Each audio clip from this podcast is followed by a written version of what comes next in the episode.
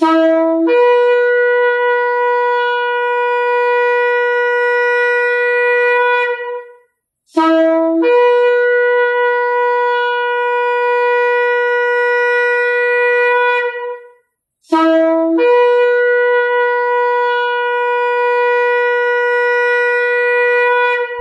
RPK yang dikasihi Tuhan di mana pun Anda berada.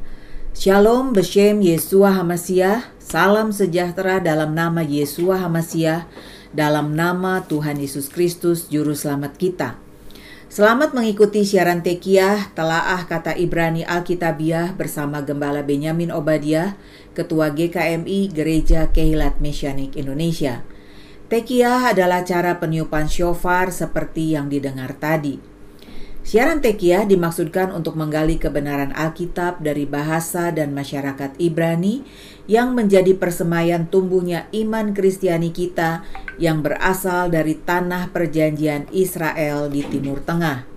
Saudara dapat mengajukan pertanyaan ke 0812 9912 430. Shalom Pak Ben. Shalom Wira, Shalom sahabat RPK di mana pun Anda berada. Hari ini kita akan membahas kata Ibrani ra'ah. Dalam bahasa Ibrani dieja resh, alef, he, dibaca ra'ah, artinya melihat. Ra'ah, melihat. 1 Raja-Raja 19 ayat 2 sampai 4. Maka Jezebel menyuruh seorang suruhan mengatakan kepada Elia, Beginilah kiranya para ilah menghukum aku, bahkan lebih lagi daripada itu. Jika besok kira-kira pada waktu ini aku tidak membuat nyawamu sama seperti nyawa salah seorang dari mereka itu. Ia melihat Yara, lalu bangkit dan pergi menyelamatkan nyawanya. Dan setelah sampai ke Bersheba yang termasuk wilayah Yehuda, ia meninggalkan bujangnya di sana tetapi dia sendiri melakukan perjalanan sehari perjalanan ke padang gurun dan datang dan duduk di bawah pohon arar. Dan dia meminta dirinya untuk mati dan berkata, "Sudah cukup, sekarang ya Tuhan, ambillah nyawaku, karena aku tidak lebih baik dari nenek moyangku." Terjemahan mengikuti Rabi Aden Steinsaltz, Koren Publisher, Yerusalem. Elia, nabi yang dipakai Adonai Elohim Israel dengan kuasa mujizat yang luar biasa mengalahkan 400 nabi Baal yang berdoa kepada Baal mereka tanpa hasil. Baal mereka terlalu lemah untuk menjawab doa mereka. Sebaliknya, Elia seorang diri berdoa. Dari segi jumlah, Elia tentu kalah. Tetapi luar biasanya, Adonai Elohim yang disembahnya itu adalah Tuhan yang hidup. Doa Elia dijawab Adonai Elohim dengan kuasa. Tuhan mengirim api untuk menyambar persembahan korban sehingga korban yang di atas mezbah itu habis terbakar. Melihat itu umat Israel yang tertekan oleh penyembahan palsu de, uh, para nabi Baal itu pun bersorak-sorai. Adonai, dialah Elohim. Adonai, dialah Elohim. Adonai, dialah yang patut disembah. Elia pun segera memerintahkan untuk menyingkirkan para nabi Baal sehingga rakyat membunuh mereka. Peristiwa ini didengar oleh Ratu Isabel, permaisuri Raja Ahab dan penyembah berhala itu. Dalam kemarahannya karena kehilangan 400 nabi Baalnya, ia mengirim pesan ancaman bahwa sama seperti nabi Baal yang dibunuh, Elia pun akan mengalami nasib yang sama. Ia akan dibunuh dengan pedang. Saat Elia melihat bahwa Isabel bermaksud memotong kepalanya dalam waktu 24 jam ke depan, ia pun bangkit dan melarikan diri untuk menyelamatkan nyawanya. Ia lari ke Beersheba dan ia duduk di bawah pohon arar dan dia meminta dirinya untuk mati dan berkata, "Sudah cukup. Sekarang ya Tuhan, ambillah nyawaku karena aku tidak lebih baik dari nenek moyangku." Ini satu peristiwa yang perlu kita cermati. Elia adalah nabi yang dipakai Tuhan dengan penuh kuasa. Ia tegar menghadapi 400 nabi Baal laki-laki. Tetapi heran terhadap ancaman seorang perempuan, ia takut sampai melarikan diri menyelamatkan nyawanya. Bahkan ia sampai meminta untuk mati kepada Tuhan. Bisa begitu ya? Ancaman seorang penguasa wanita ternyata telah membuat seorang nabi sekelas Elia menjadi gentar sampai ia minta mati. Ya, secara rohani kecenderungan semacam ini dikenal sebagai roh Isabel. Dalam bahasa Inggris Jezebel spirit. Roh pada wanita yang mendominasi pria. Apakah ini kecenderungan hanya ada pada pihak wanita atau ada kecenderungan juga pada pihak pria? Ya benar, ada kecenderungan juga di pihak pria. Suami Isabel adalah raja Israel yang bernama Ahab.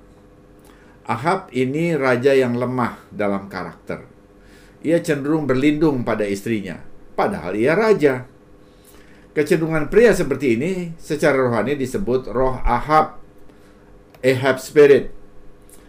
Kedua kecenderungan alias roh tersebut tidak baik dalam Alkitab jelas dikatakan bahwa suami adalah imam dalam keluarga yang memimpin dan mengasihi istri dan anak-anaknya seperti Mesias mengasihi jemaat.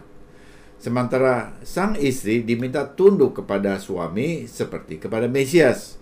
Efesus 5 ayat 22 sampai 25. Sekarang kita lihat bagaimana kitab suci mencatat perasaan yang ada pada Elia Tadi di dalam 1 Raja-Raja 19 ayat 3, kita sudah membaca Elia melihat akan apa yang dilakukan oleh Isabel terhadap dirinya. Kata melihat dalam 1 Raja-Raja 19 ayat 3 diterjemahkan dari kata Ibrani yara. Kata ini berasal dari salah satu dari dua akar kata Ibrani yaitu satu yira atau yang kedua ra'a. Akar kata pertama yira berarti takut. Karena itu ada terjemahan yang langsung menerjemahkan sebagai maka takutlah ia.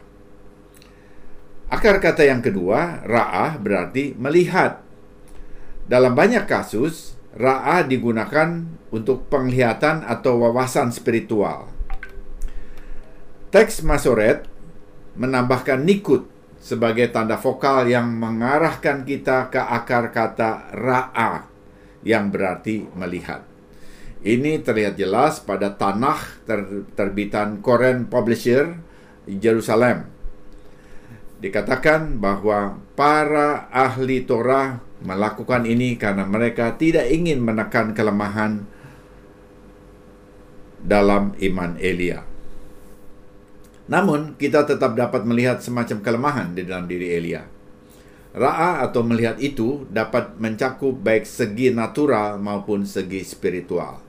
Tampaknya, Elia sekalipun seorang nabi terperangkap oleh ancaman fisik dari Isabel, sehingga ia lebih condong untuk melihat segi natural atau alamiahnya saja. Akibatnya, ia disergap oleh ketakutan dan menjauhi iman. Karena itu, seperti kata pepatah, kebalikan dari iman adalah ketakutan. Kemudian ketika ia sedang duduk di bawah pohon arar, lalu ingin mati, tampaknya tidak terdengar sebagai pernyataan iman. Namun di sisi lain, ketika Elia sungguh-sungguh ingin mati, mengapa dia menyelamatkan diri kepada gurun? Dalam satu Raja-Raja 19 ayat 3, kita mengetahui bahwa Elia melihat apa yang telah direncanakan Isabel secara fisik terhadapnya. Rencana ini menggentarkan hatinya. Ia tak dapat menolak pandangan natural ini dan sebagai akibatnya ia melarikan diri sebagai tindakan defensif. Ia takut dengan apa yang dia lihat Tarik ulur antara ketakutan terhadap ancaman dan kepercayaan kepada Tuhan membuat Elia akhirnya mengakui, "Aku tidak lebih baik dari leluhurku." Masalah dengan para leluhur adalah masalah iman dan kepercayaan kepada Tuhan. Elia tidak putus asa hanya karena ancaman Isabel, tetapi karena setelah mengalami semua mujizat dari Tuhan yang luar biasa, Elia masih membiarkan rasa takut menguasai dirinya. Mengapa Elia melihat dirinya tidak lebih baik dari leluhurnya?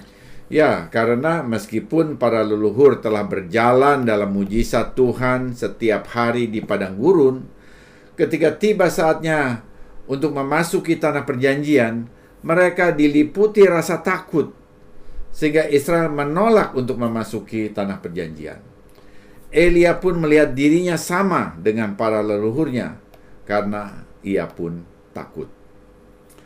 Kita hanya bisa membayangkan hubungan seperti apa yang dimiliki Elia dengan Tuhan. Namun dapat dirasakan bahwa sang nabi dipenuhi dengan penyesalan akibat ia melukai hati Tuhan karena kekurangan imannya. Hubungannya dengan Tuhan begitu dekat sehingga ia telah menyaksikan secara langsung mujizat menahan hujan dan menurunkan hujan keajiban pengadaan roti dan daging yang dibawa oleh burung gagak kepadanya. Mujizat api turun dari langit dan banyak lagi yang lain. Namun ia masih membiarkan rasa takut menguasai dirinya. Elia tidak serta-merta meminta Tuhan untuk mengambil hidupnya. Ia meminta Tuhan mengambil nefes atau jiwanya. Seperti banyak kata Ibrani lainnya, istilah nefes mempunyai arti yang luas termasuk kehidupan fisik dan kehendak bebas seseorang.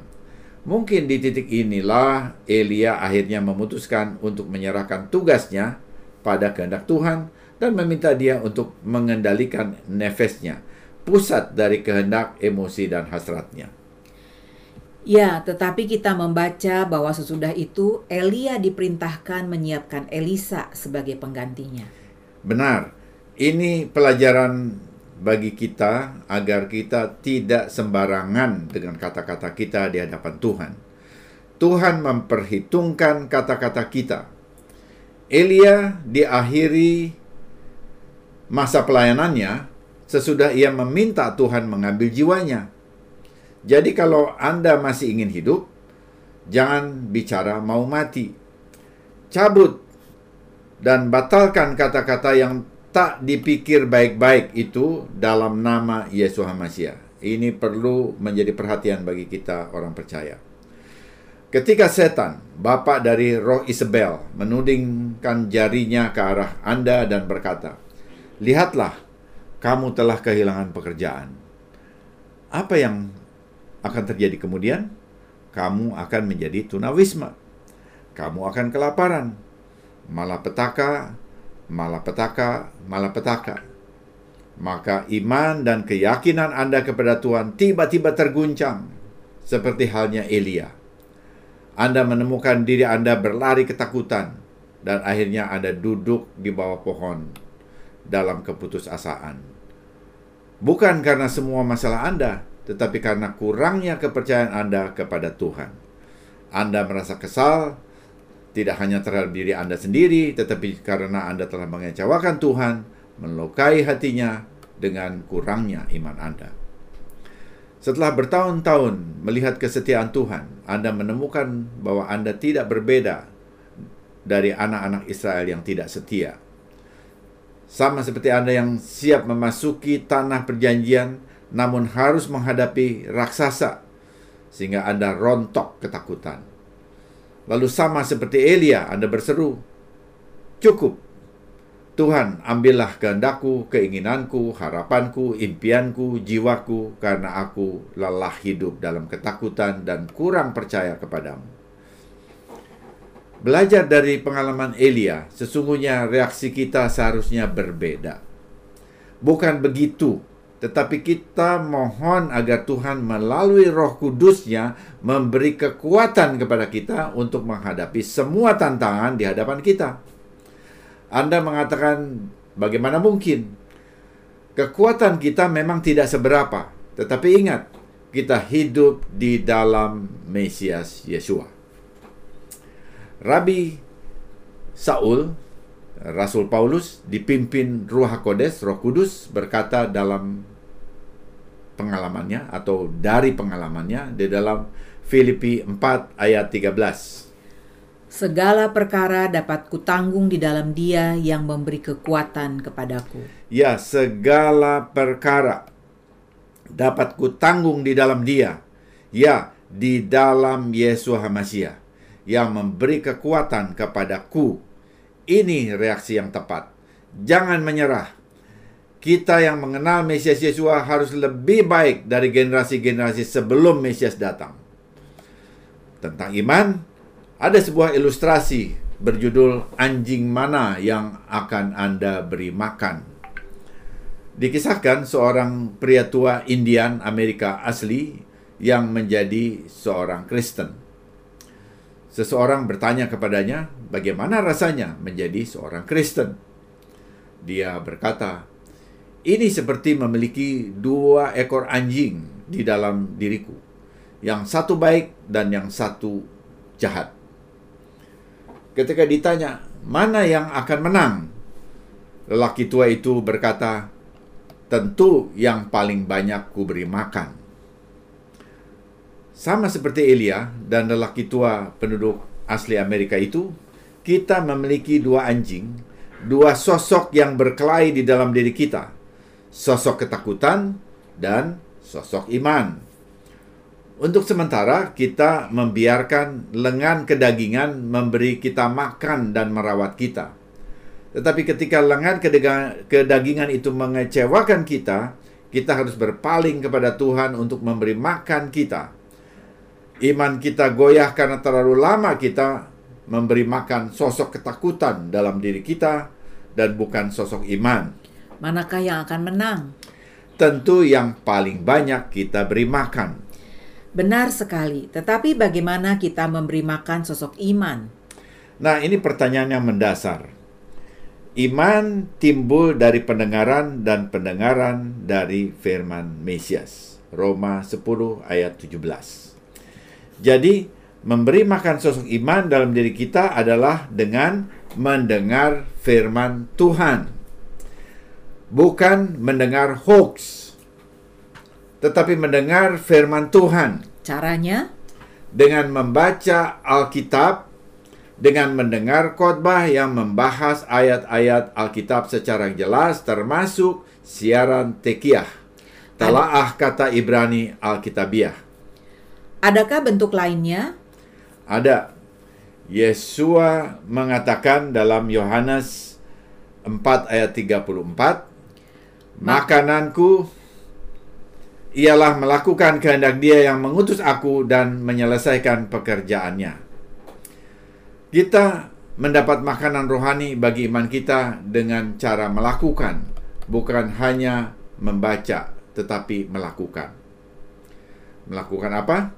Melakukan kehendak Dia yang mengutus Yesua, yaitu Adonai Elohim, Bapa surgawi kita. Saat kita membaca Alkitab, kita mendapatkan kehendak Tuhan dalam bentuk perintah-perintah Tuhan di dalamnya. Ini perlu kita lakukan. Dengan melakukan perintah-perintah Tuhan, iman kita menjadi kuat. Dengan iman yang kuat, pilihan-pilihan kita akan berpihak kepada kehendak Tuhan. Sosok iman di dalam diri kita menjadi kuat dan menang. Kembali kepada topik ra'ah atau melihat. Kita perlu melihat seperti Tuhan melihat. Memandang seperti Tuhan memandang. Kalau kita melihat seperti Tuhan melihat, maka kita akan bertindak seperti Tuhan bertindak. Kita akan ada di sisi iman, di sisi spiritual, dan bukan di sisi alamiah semata. Sebaliknya, Elia terjebak pada ancaman fisik karena ia terus-menerus melihat sisi natural alamiah ancaman terhadap dirinya yang menyebabkan dia ketakutan. Akibatnya, ia meminta jiwanya diambil. Ketakutan yang berlawanan dengan iman bukanlah berasal dari Tuhan, Rasul Paulus mengatakan dalam 2 Timotius 1 ayat 7. Sebab Tuhan memberikan kepada kita bukan roh ketakutan, melainkan roh yang membangkitkan kekuatan, kasih, dan ketertiban. Kalau roh ketakutan dengan alasan apa pun hendak menguasai hidup kita, kita harus melawannya, menolaknya sebab Tuhan tidak memberi roh ketakutan kepada kita, tapi roh kekuatan, kasih, dan ketertiban. Hidup di dalam firman-Nya dengan melakukan kehendaknya, kita akan melihat seperti Tuhan melihat dan bertindak seperti Tuhan bertindak. Ketika kita menolak ketakutan jasmania, baik dalam hal kesehatan, hal hubungan, dan hal keuangan, kita memilih jalur iman yang membuat kita dapat melihat seperti Tuhan melihat. Kita dapat melihat diri kita seperti Tuhan melihat diri kita. Kita dapat melihat masa depan kita seperti Tuhan melihat masa depan kita. Semoga siaran ini memberkati saudara. Informasi bagi saudara. Ibadah Syabat Ibrani Mesianik disiarkan secara live streaming di YouTube setiap Sabtu jam 10 waktu Indonesia Barat. Untuk mendengar ulang semua program Tekiah, kunjungi dan subscribe kanal Keilat Mesianik di YouTube. Bila saudara diberkati oleh siaran Tekiah dan mau kembali memberkati siaran ini, saudara dapat mengirimkan dukungan dengan menghubungi Happy di 0811 910 814. 0811910814. Sesudah narasi ini kita akan mendengar lagu rohani The God Who Sees, Tuhan yang melihat oleh Andrew Thompson. Semua sakit yang kurasakan, semua kegagalanku, engkau melihatku semuanya. Setiap langkah yang kuambil, setiap rencana yang kubuat, Engkau Tuhan yang melihat semuanya. Perlindunganku, menara yang teguh, Engkau melihatku. Tuhan melihat kita. Kita pun mau melihat seperti Tuhan melihat. Kita melihat diri kita seperti Tuhan melihat diri kita. Kita memandang masa depan kita seperti Tuhan memandang masa depan kita. Kita memandang masa depan dengan iman dan bukan dengan ketakutan. Inilah doa kita. Amin. Tiba saatnya saya Penatua Ira Obadiah dan Gembala Benyamin Obadiah mohon diri dari ruang dengar saudara. Sampai jumpa pada siaran mendatang. Yesua keselamatanku, Torah kesukaanku, menuju kepenuhan bangsa-bangsa. Shalom, shalom. shalom.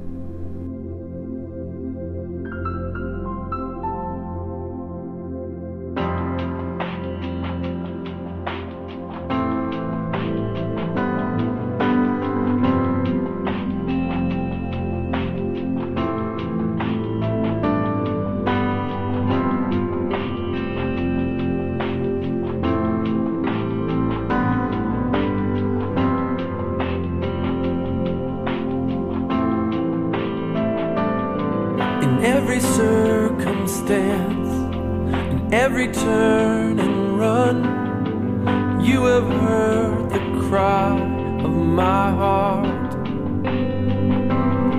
In every pain so real, in every time I failed, you have had your eyes on me.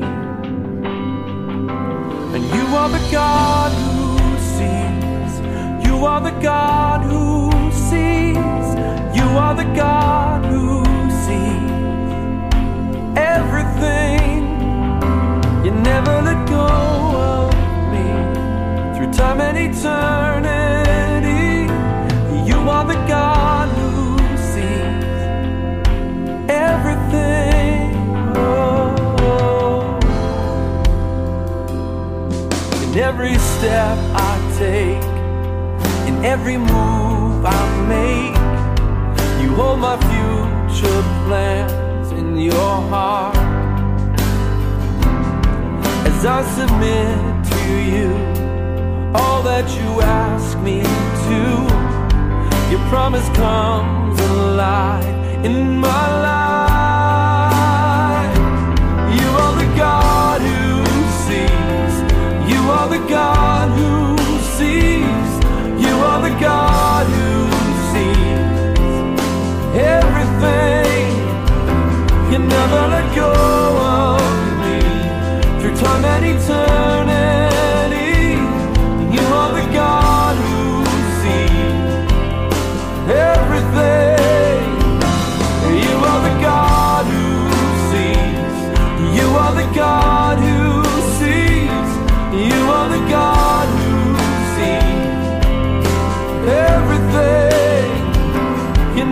let go.